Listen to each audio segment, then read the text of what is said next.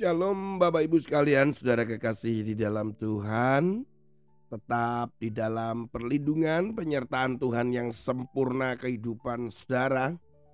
Dan tetap merenungkan firman Tuhan untuk pertumbuhan iman saudara. Dan jangan lupa, bukan hanya merenungkan, mendengarkan, tetapi juga melakukan setiap firman yang kita renungkan. Pembacaan firman Tuhan hari ini kita membaca pada kitab Amsal pasal 31 ayat yang ke-20. Ia memberikan tangannya kepada yang tertindas, mengulurkan tangannya kepada yang miskin. Bapak Ibu sekalian, kalau Bapak Ibu mendengar kata ini, sosialita, kira-kira apa yang terbesit pertama kali dalam pikiran saudara? Kemewahan, kumpul-kumpul, arisan, kegiatan yang gak jelas dengan dandanan sepertinya pamer ya pamer sana dan pamer sini begitu atau Saudara berpikir bahwa sosialita itu terbesit dalam pikiran saudara adalah orang yang melakukan kegiatan sosial. Bapak Ibu sekalian, awal kata atau istilah sosialita itu sendiri muncul sebenarnya puluhan tahun yang lalu. Tepatnya di tahun 1928. Dan arti daripada sosialita itu diambil dari kata sosial. Jadi sekelompok atau seseorang yang berpartisipasi dalam aktivitas sosial. Menghabiskan waktu untuk menghibur, menghibur orang lain. Orang-orang di sekitarnya dan dirinya juga dihibur dalam acara-acara tertentu. Begitulah. Tetapi sekarang ini bergeser pengertian ketika kita ngomong, oh dia ini seorang sosialita. Maka kita berpikir bahwa orang yang kaya, pamer kemewahan, dan kemudian ngobrol sana ngobrol sini nggak jelas, pamer koleksinya gitu. Jadi Robert L. Peabody yang pertama kali meng, apa ya, mengartikan tentang sosialita itu ya kayaknya sedih gitu ya saudara. Bapak Ibu sekalian, sosialita dan kenyataan hari ini berbeda, saudara. Hari ini kita belajar firman Tuhan tentang seorang istri yang cakap adalah mereka yang memberikan tangan kepada orang yang tertindas, suka menolong, memperhatikan keadaan sekitar, suka menolong luar biasanya ya. Selain memperhatikan rumah tangga, kesibukan dan tugas. Tetapi Amsal menulis bahwa istri itu juga ternyata yang cakap itu adalah peduli dengan orang lain di sekitar. Istri saya ini kalau disuruh menolong-menolong ya saudara, waduh saya kalah saudara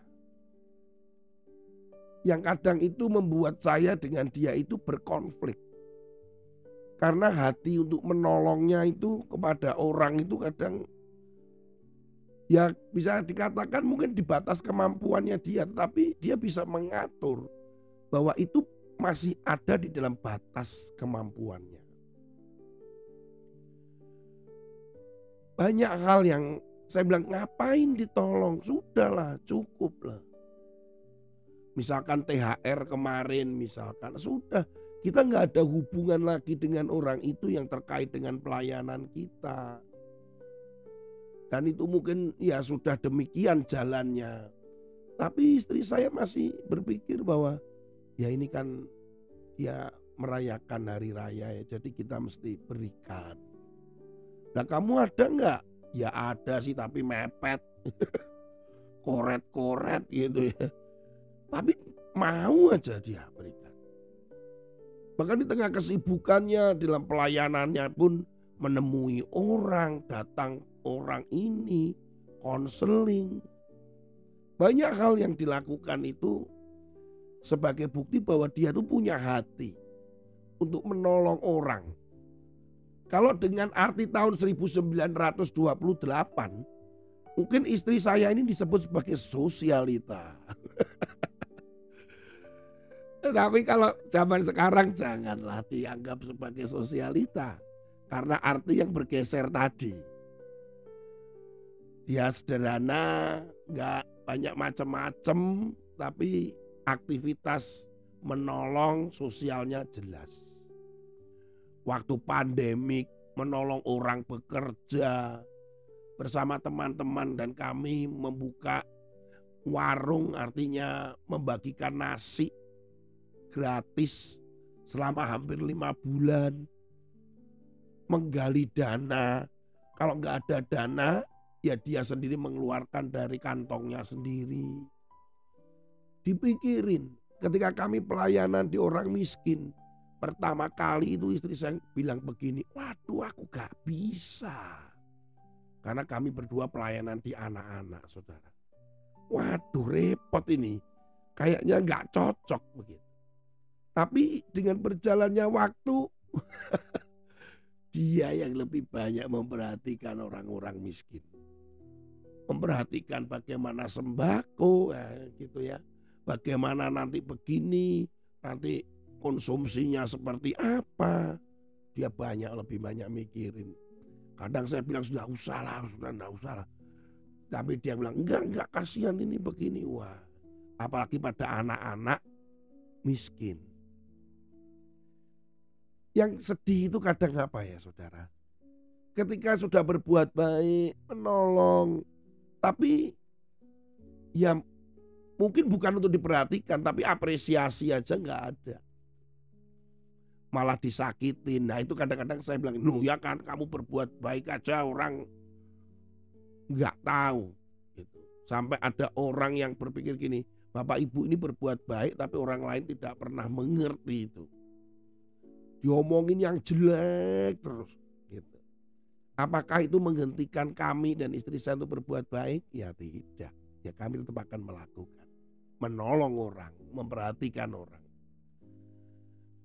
Bapak Ibu sekalian, berbahagialah dan kalau saudara sudah beristri dan istri saudara mendengarkan ya atau senggol istrinya istri yang mendengarkan jadilah sosialita yang benar sesuai dengan arti awal, bukan yang sekarang. Ya, kalau saudara saat ini belum menikah, belajarlah untuk punya hati terhadap jiwa-jiwa yang Tuhan adakan. Tuhan adakan. Yesus bilang, orang-orang miskin akan selalu ada di sekitarmu. Itu diadakan, berarti Tuhan sediakan orang-orang itu. Untuk apa? Untuk kita tolong untuk kita berbuat baik. Kalau saudara laki-laki ini bukan hanya untuk istri tapi buat kita semua untuk memperhatikan peduli dengan orang lain yang di sekitar kita yang membutuhkan. Tuhan memakai saudara untuk menolong mereka. Dan Tuhan Yesus memampukan saudara untuk melakukan itu. Ingat, jangan berpikir untuk mendapatkan balasan. Tetapi memang itu natur saudara. Dan saya yang percaya pada Yesus dan menjadi pengikut dan muridnya. Tuhan Yesus memberkati. Haleluya. Amin.